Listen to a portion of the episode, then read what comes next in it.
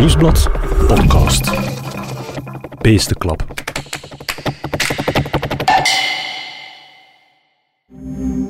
Welkom bij Beestenklap, een podcast over pratende dieren. Ja, honden zullen altijd blaffen en katten zullen altijd miauwen. Maar wat willen ze ons eigenlijk zeggen? Vandaag gaan we het hebben over de mooiste dierentaal van allemaal, die van de vogels.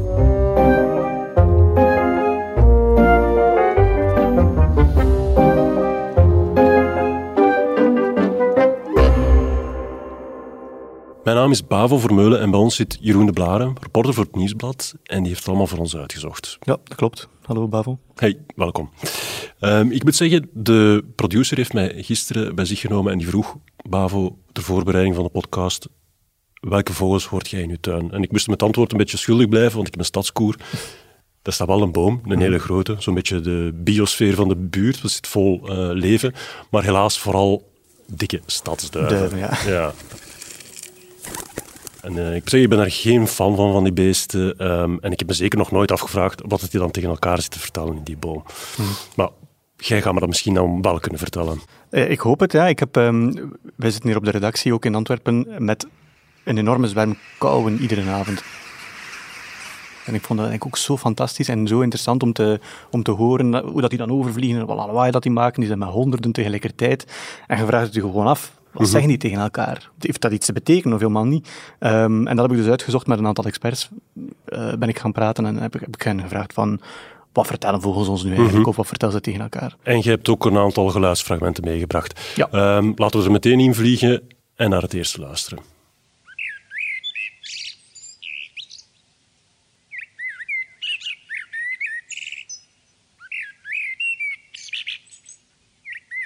Volgens mij is dat een merel. Dat hoort je vaak. Ja.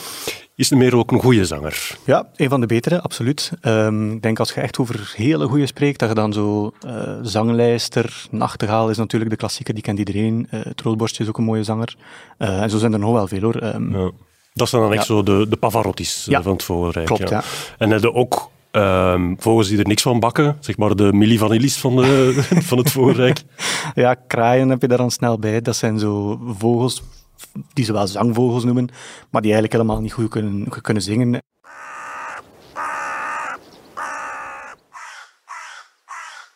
Roepen die niet gewoon hun eigen naam de hele tijd? Ja, dat zou je denken, maar die zijn op een of andere manier door mensen die een onderscheid hebben gemaakt tussen zangvogels en niet-zangvogels, eh, bij de zangvogels geplaatst. Maar eigenlijk is dat, dat verschil miniem en zijn dat vooral roepers. Ja. En het verschil tussen die twee, kunnen dan zeggen dat de zanglijsters en de nachtegalen ehm, gewoon betere stembanden hebben dan?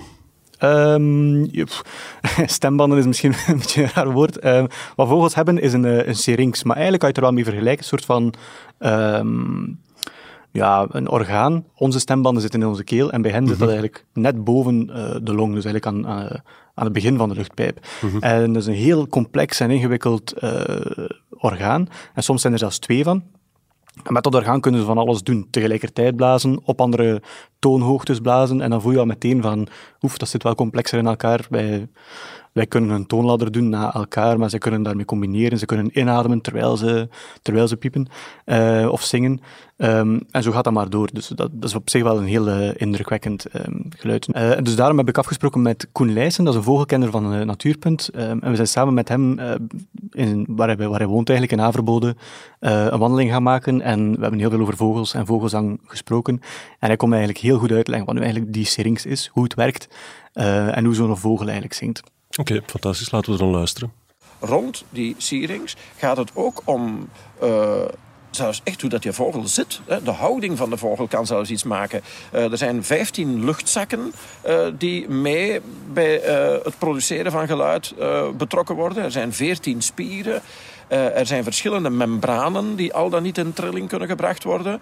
Eh, het heeft ook te maken met heeft die vogel zijn snavel ver open of niet. Als hij zijn snavel ver open doet, kan hij een hogere toon produceren dan wanneer hij zijn snavel minder ver open doet.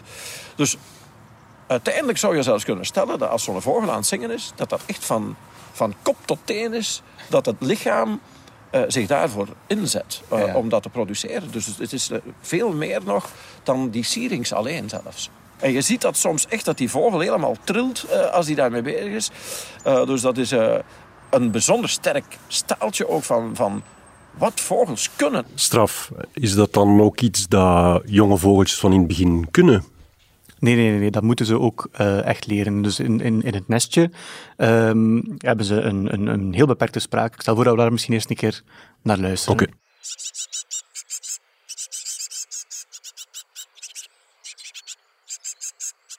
Ja, voilà. Dus die vogels kennen eigenlijk een heel klein uh, repertoire. Die piepen een beetje. Het enige wat die eigenlijk van boodschap kunnen overbrengen is: ik heb honger. Mm -hmm. En ik herinner mij nog uit zo tekenfilms van vroeger, zo van die, van die kleine getekende Die open keeltjes. Zo, die open keeltjes, voilà.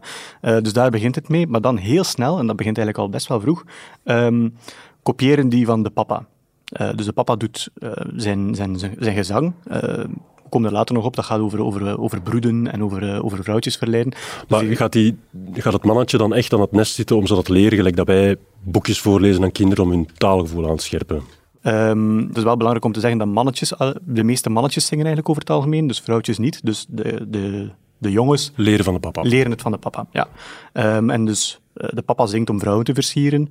En de kindjes leren al heel snel ook vrouwen te versieren. Daar komt het eigenlijk op neer. Ja, dus vanaf um, als ze geboren zijn, leren ze fluiten naar vrouwen. Voilà, ja, dat klopt. Als kleine bouwvakkertjes, ja, zoiets. En dat is dus een heel korte periode, want als het broedseizoen stopt, stopt die vogel ook met, met, met zingen en met voortonen voor die, uh, voor die vogeltjes.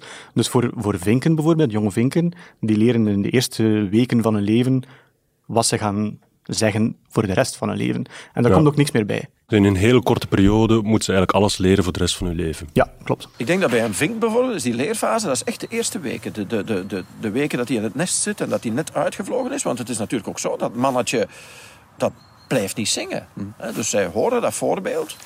Uh, uh, ja, de maand daarna is, is die papa er meer aan het zingen. Hè? Dus uh, ze moeten dat voorbeeld vrij snel oppikken. Maar nu heeft daar experimenten mee gedaan. Hè? Want je zou kunnen zeggen, hoe weet men zoiets? Men heeft daar experimenten mee gedaan.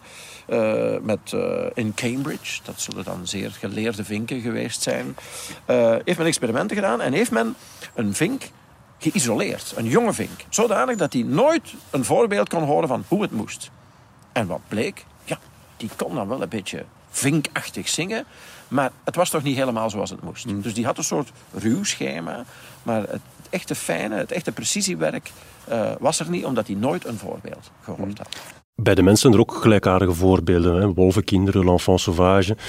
Maar dat die dan later in hun leven toch um, spraak leren. Mm. Is dat bij vogels ook? Uh, kunnen ze dat dan later toch nog oppikken? Uh, bij die vinken is dat dus dan foutu, dat, is onmogelijk. Maar um, er zijn wel uh, andere, andere vogels die wel um, later in hun leven nog dingen oppikken en nog verder spraak evolueren. Dus dat zijn dan opnieuw meer die begenadigde zangers, zoals een lijster, een zanglijster, of een nachtegaaltje, die kan wel nog wel, of een spreeuw bijvoorbeeld, die kan wel nog veel dingen oppikken en, en zijn repertoire blijven uitbreiden. En dat is dan echt over, over een periode van jaren dat die nog dingen bijleren en oppikken. Dat zeker wel. Nu, wat er ook is, eh, is een, is een soort van uh, dialect van vinken, zeggen ze vaak. Ja, uh, een Waalse vink is geen Vlaamse vink. Um, en in heel Europa zijn er eigenlijk soort van dialecten ontstaan in kleine vinkengroepen, omdat die ook... Uh, die broeden ook altijd in de, op de plaats waar, ze, waar zij zelf zijn uitgekomen. Mm -hmm. Dus op den duur ontstaat er een soort van onder de kerktoren mentaliteit. En dus, zoals het er dan in West-Vlaanderen en West-Vlaams gesproken wordt, uh, wordt er dan... Dus het is echt op zo'n kleine schaal. De Limburgse vink is anders dan de Antwerpse vink. Ja, op zich wel. Ja. Ik denk, allee, ja. En verstaan ze elkaar dan? Um, er zijn voorbeelden, maar dat is wel redelijk extreem, dat het er inderdaad, ja, dat die met elkaar niet meer ja, kunnen communiceren. Uh, bijvoorbeeld bij de goudvink is dat, maar dat is eigenlijk iets heel, uh, iets heel specifiek. Over het algemeen kunnen vogels wel redelijk goed met elkaar, uh, met elkaar praten, maar er zijn kleine afwijkingen, kleine verschilletjes, zoals dat een West-Vlaming met een beetje moeite een Antwerpenaar zal verstaan, of omgekeerd is misschien wat moeilijker. um, dat soort dingen. Dus dat dialect is op zich wel, uh, wel, wel interessant, omdat, omdat er zo kleine soorten, tussensoortjes bestaan. Zijn er ook soorten die elkaar begrijpen? Kan een ooievaar praten met een uil, om het uh, simpel te zeggen? Um, oh, dat is een goede vraag. Uh, wat wel zeker duidelijk is, dat er heel veel kleine vogeltjes, dat die vaak samen um, in elkaars buurt verblijven en dat die ook kleine roepjes hebben naar elkaar en die ook met elkaar uh, naar elkaar uitbrengen, zodanig dat zij kunnen waarschuwen voor gevaar. Als een merel dat doet, dan blijft de mus daar niet doof voor. Die snapt ook wel van, er is hier iets aan de hand. Mm -hmm. um, en zo werkt dat eigenlijk ongeveer. Ja. Wat misschien ook nog een, uh, nog een toffe is, is, je zou dan kunnen zeggen, ja, die, die, die, die dieren krijgen een, een zang aangeleerd en dan is er een dialect voor de groep, maar elke vogel kan zichzelf, uh, zoals dat jij mijn stem herkent, uh, Bavo, herkennen die vogels ook elkaars roepje. Uh, en dat gaat redelijk ver. Dat gaat zelfs zo ver dat er bijvoorbeeld uh, kolonies zijn van, van honderden vogels, waarbij dat de, de ouders hun kindje nog herkennen als die ergens uh, vliegt. Dat is wel interessant om, om te horen. Bijvoorbeeld een, een, minder bekende zwaluwsoort is de oeverzwaluw. Die broedt in steile, zandige wanden. En die broeden in, in kolonies. Daar kan je 50 nesten bij elkaar hebben van zo'n oeverzwaluw. Op een gegeven moment vliegen die jonge oeverzwaluwjes uit, uit het nest. Maar die worden dan nog bijgevoederd door mama en papa. Mhm. Maar je kan je voorstellen, daar zijn 50 nesten bij elkaar. Daar vliegen vier jongen uit per nest bijvoorbeeld. Dan vliegen daar 200 jonge oeverzwaluwen rond. Mhm. Wel, die ouders halen hun jongen daar perfect uit. Voor ons is dat allemaal hetzelfde, want dat zijn heel onopvallende roepjes.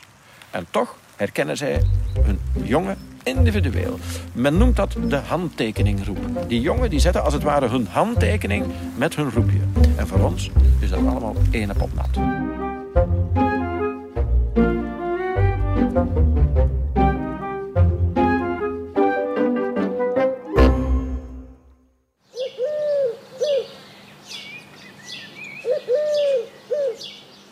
Als ik dit geluid hoor in mijn boom in Borgerhout, dan is er iets aan de hand. Ja, dan is, uh, dan is love in the air. Um, over het algemeen is dat eigenlijk de basis van de zang. Mannetjes verleiden vrouwtjes. Dat is eigenlijk ook altijd wat er, wat er altijd gezegd wordt. Hè. Dus um, die, dat mannetje probeert die vrouw te imponeren, probeert ook te zeggen van hé, hey, hier ben ik. Uh, en dus in het broedseizoen is dat eigenlijk waar zang om draait. Ja. Uh, mannen verleiden vrouwen. Maar een staan bekend als tortelduiven, dat is een beetje symbool uh, van de liefde ook, maar echt speciaal klinkt dat toch niet? Nee, niet per se. Er zijn er andere natuurlijk die nog veel gedetailleerder uh, en, en, heel uitgebreide gezangen hebben en er dan honderden variaties op hebben. En die honderden variaties, zijn dat dan ook honderden verschillende signalen aan de vrouwtjes? Op zich is het eigenlijk meer de veelheid en het tonen van wat je kan.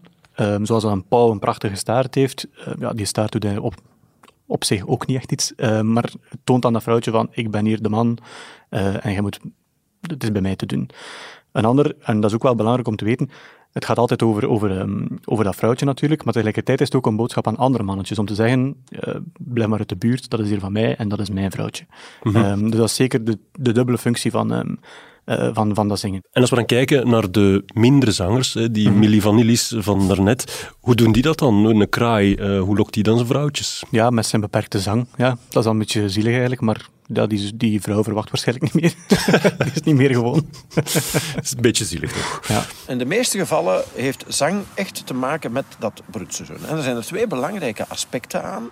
Enerzijds is het het lokken van een vrouwtje. Dat is al heel belangrijk, dat dat mannetje, die gaat dan proberen zijn best te doen. Hè, een heel mooie zang te berden te brengen om een vrouwtje te lokken. Maar een tweede, ook belangrijke functie, wordt soms vergeten, is het, het weghouden van andere mannetjes. Dus uh, zij gaan hun territorium afbakenen. En dat is vooral belangrijk bij het begin van het broedseizoen. Als er nog eieren moeten gemaakt worden. Hè? Want dat mannetje wil natuurlijk vermijden dat het vrouwtje bevrucht wordt door een ander mannetje. Mm. Eens dat dat broedseizoen dan echt zijn beslag krijgt en, en eh, de vogels aan het broeden zijn en op een gegeven moment ook een jongen aan het voeren zijn, mm -hmm. dan gaat die zang wegvallen. Want dan heeft dat geen functie meer. Hè. Dat is dat ook zelfs niet zo erg als er eens een ander mannetje in dat territorium zou binnendringen. Mhm. Want uh, het is toch allemaal al gebeurd. Ja. Maar als dan op een gegeven moment die jongen uitvliegen, dan kan het wel zijn dat die merel of die zanglijster of die hegemus hè, aan een tweede broedsel gaat beginnen.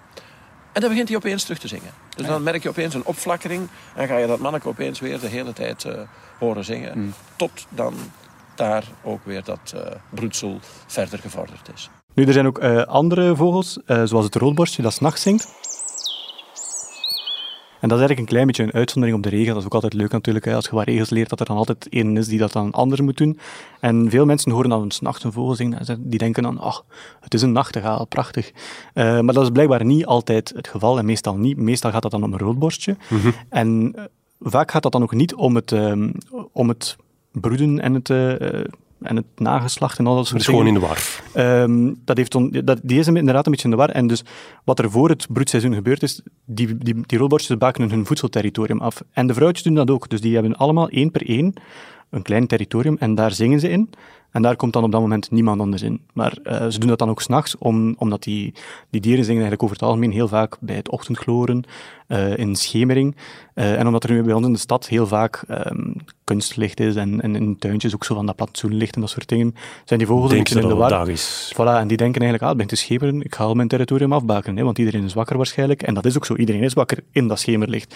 en daarom zingen ze dan. Maar vergis u niet, het is geen nachtegaal. Het is gewoon, allez, gewoon, het is ook leuk, uh, maar het is een roodborstje. Maar ik las ook uh, onlangs in de krant dat de mussen het ook moeilijk hebben, omdat ze elkaars gezang niet meer horen door het uh, lawaai van het verkeer en zo. Mm. Ja, um, mussen en bij koolmeesjes is er eigenlijk een gelijkaardig probleem. En wat er eigenlijk gebeurt, en dat is wel een beetje triestig, de mus, dat is echt onderzocht, zingt gewoon luider in de stad dan op het platteland, om het, het lawaai te overstemmen. En de koolmees heeft een gelijkaardig probleem, en die zingt, en dat is eigenlijk vaak een afwisseling van lage en hoge tonen, en heeft zijn lage tonen die dan wat in het gebrom van het verkeer, zo brom, brom, ja, dan, als je dan lage tonen voorbrengt, dan, dan, dan wordt het daar een beetje in opgenomen. Um, die heeft zijn lage tonen een beetje hoger gezet, om boven die uh, stadsgeluiden uit te komen, om toch maar opnieuw dat vrouwtje te kunnen lokken. Um, het is echt Darwinisme terwijl we erop staan te kijken. Ja, absoluut. Er wordt een mus in de stad, dat heeft men onderzocht. Mussen roepen, chilpen dus een stuk luider in de stad dan buiten de stad. Om uh, dat achtergrondlawaai te overstemmen. Maar er zijn grenzen aan alles en dat lukt soms niet zo goed. Waardoor het toch soms moeilijker wordt voor hen om uh, de nodige contacten te leggen. En ik heb nu de mus als voorbeeld, maar ook bij koolmees heeft men bijvoorbeeld gezien dat de zang van de koolmees in de stad. Hè, want koolmezen hebben dikwijls een soort twee- of drieledige zang met een afwisseling tussen een hoge en een lage toon. Maar die lage toon in de stad die dreigt te weg te zinken in het moeras van achtergrondgeluid. Waardoor zij hun lage tonen wat gaan opkrikken. En het verschil tussen hoog en laag wordt daardoor ook wat kleiner. Maar dat doen zij om boven dat achtergrondlawaai uit te komen.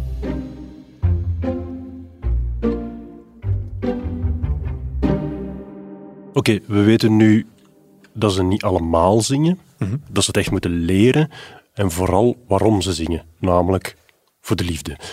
Maar ik kan me niet inbeelden dat het louter daarom gaat. Mm -hmm. Absoluut.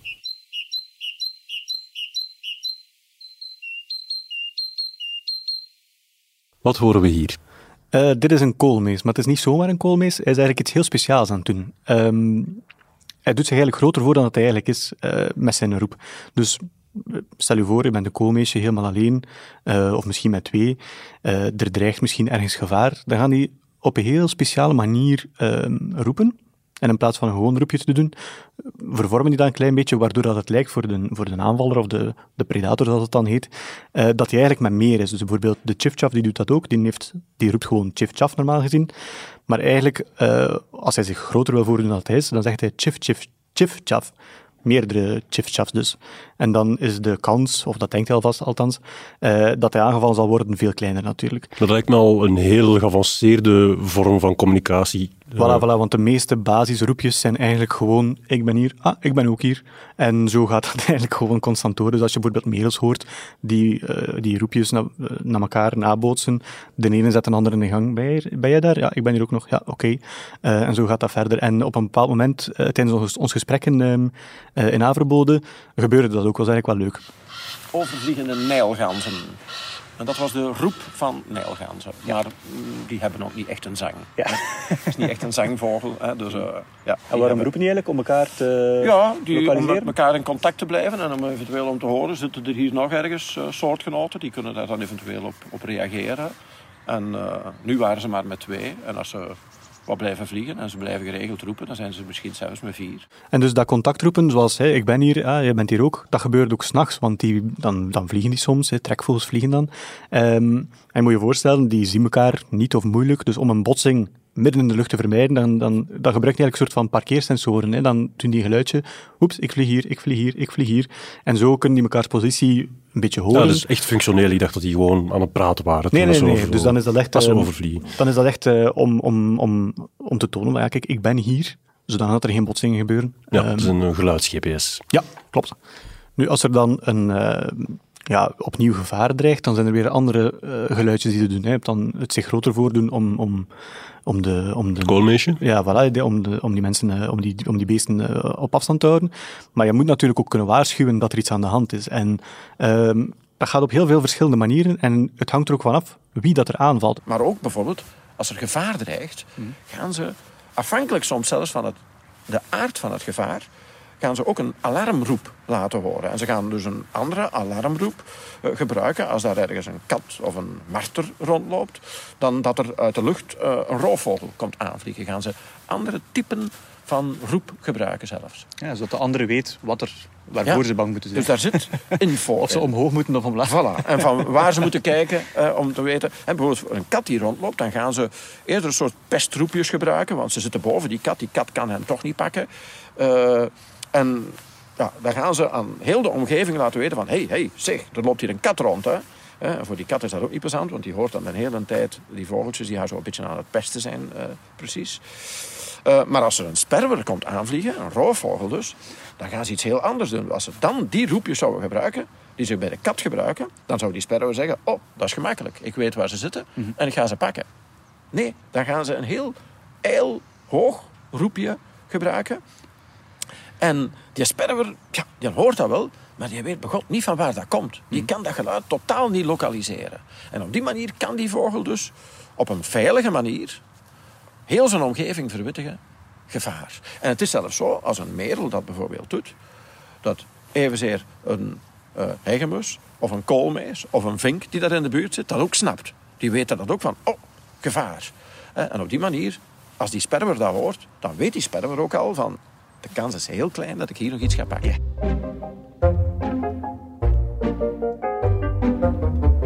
Als we het hebben over vogels en communicatie, dan denkt het toch al vrij snel aan papegaaien. Ja, je zou denken, ah ja, die praten of die, die, die zeggen iets of daar kan ik iets achter zoeken, maar dat is... Dus, het is niks uit je hoofd. Het is gewoon een klakkeloze kopie. Het is niet slim.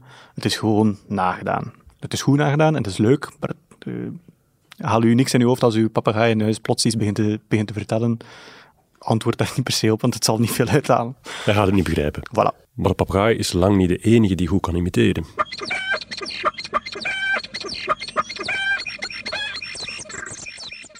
Tja, maar is dit nu niet een kip?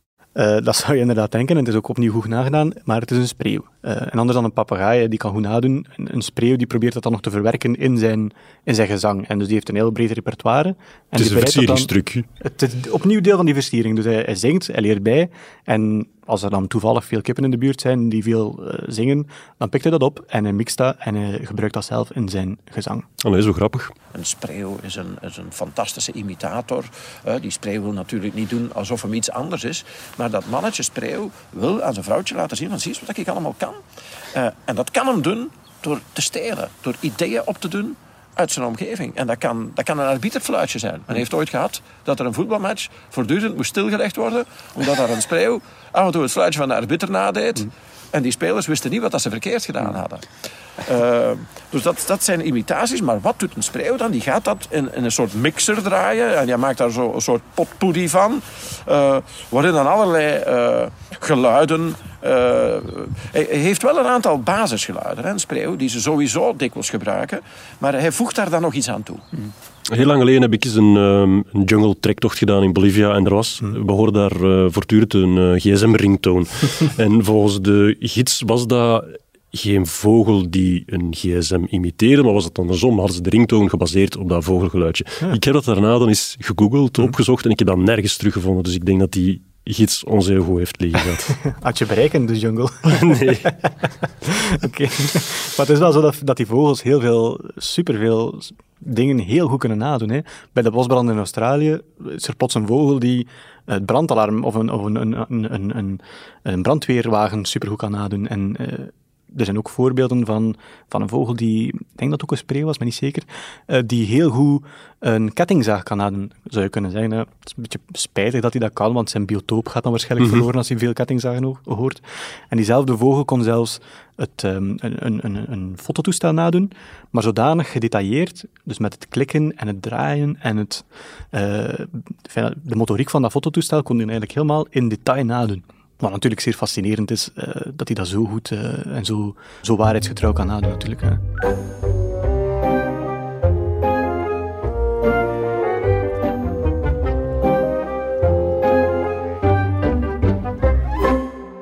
Goed, Jeroen, we zijn nu aan het einde van de podcast gekomen en um, we hebben nog één uitsmijter. Uh, een hele leuke, Allee, vooral voor mij denk ik. Ja, voor u, ja.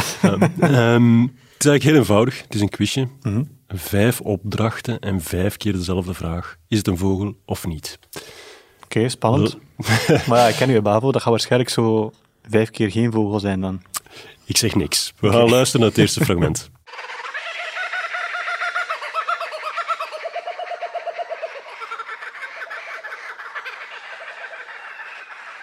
Uh, ik hoor een startende auto. Startende auto? Nee? Fout. Uh, het is een kookaburra. Ah ja, ja, ja, de kookaburra, ja, ja, tuurlijk. Ja. Nee, wordt ook nee, de, die wordt ook wel de lachvogel genoemd, omdat hij zo goed de, de menselijke lach uh, kan ah, nabootsen. Okay. Ah ja, ja, zo, ja, ja. ja ik hoorde in het begin echt zo dat die een... Het echt starten van een auto, ja, Geweldig. Ja, okay. nee, helemaal fout dus. Ja. meer geluk bij nummer twee. Hier gaan we.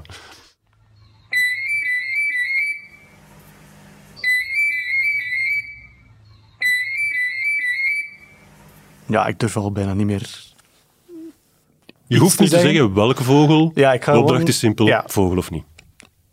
Geen vogel.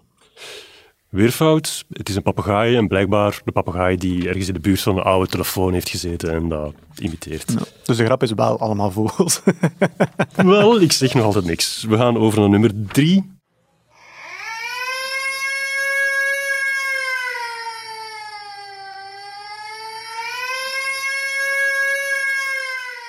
Geen vogel, denk ik. Deze keer heb je het wel juist. Het is geen vogel. Het is een baby. Die is net tegen een glazen deur gelopen en die huilt alsof het net uh, het alarm in de kerncentrale is afgegaan. Goed, nummer vier. Dat is toch niet van bij u thuis? Nee, nee gelukkig.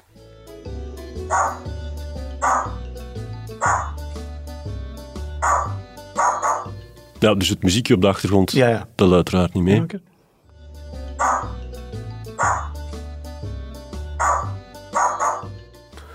wel een vogel. Ja, dat klopt. Die heeft leren blaffen door de hond van de buren na te bootsen. Allee. Ja. En dan nummer vijf. Nico, what's wrong? Are you crying? You're a good boy. What's wrong? Ja, dat kan niet. Dat is wel een vogel dan. Wel, ja, dat heb je goed geraden, ja. het is Nico de papegaai. Ah, toch? Ja, is, uh, het is een echte hit op internet. Um, als je hem wilt bezig zien, kun je dat intikken op internet. Bird sounds like baby. ja. maar goed gedaan, 3 op 5. Oké, okay, dank u. Oké, okay, Jeroen, super. Ik heb echt het gevoel dat ik heel veel heb bijgeleerd. Ik mhm. ben met een zielige conifeer, met mijn stadsduiven. Mhm. Eh, ik kijk er toch een beetje anders naar. Maar stel nu, ik wil echt het veld intrekken en mhm. zelf vogels gaan detecteren of spotten. Hoe pak ik dat aan? Ja, dat kan natuurlijk heel overweldigend overkomen. Wat we allemaal verteld hebben, er zijn er uh, duizenden vogels, allemaal verschillende uh, gezangen tot honderden roepjes en, en, en repertoires. Hoe hou je dat allemaal uit elkaar? Ik denk dat het makkelijkst is om terug dicht bij thuis te beginnen en eens op te zoeken uh, welke vogels daar het meeste voorkomen. Ja. Dus dan zit nu wel terug bij uw dikke duif. en, um, en daar de geluidjes van op te zoeken en die een beetje uit elkaar proberen te houden. Ja. En daar dan mee naar buiten te komen en, te, en, en, goed te luisteren. En dan ga je waarschijnlijk wel de een en ander herkennen. Ja, er zijn nog hulpmiddelen? Heb je nog... Uh... Ja, dus online kan je um, die, die allerlei geluiden en uiteraard foto's en, en, en, informatie terugvinden op de website van Natuurpunt. Um, en op waarnemingen.be staan er ook allerlei uh, opnames van die, uh, van die gezangen. Maar het nieuwsblad gaan we ook de meest courante vogels op onze website zetten en daar ook de geluidjes bij publiceren, zodanig dat je al eens een, een, een, smaakje kan, kan opdoen ja. of eens kan, kan voelen wat het, of horen wat het is. Ja. Um, en als je dan effectief ook buiten bent, dan bestaan er ook apps voor op je gsm.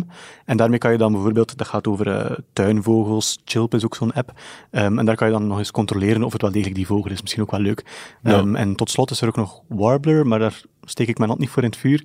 Maar daarmee zou je kunnen uh, een geluid opnemen. En, dat en die vertel je dan... Ja, maar of dat altijd even goed gaat. Misschien heeft hij ook last van dat stadsgeluid, zoals de mussen en, uh, en de koolmezen. Ja. En dat, is, dat weet ik niet 100%. Maar het is misschien wel leuk om eens te proberen. Ja, interessant. Ik ga ermee aan de slag.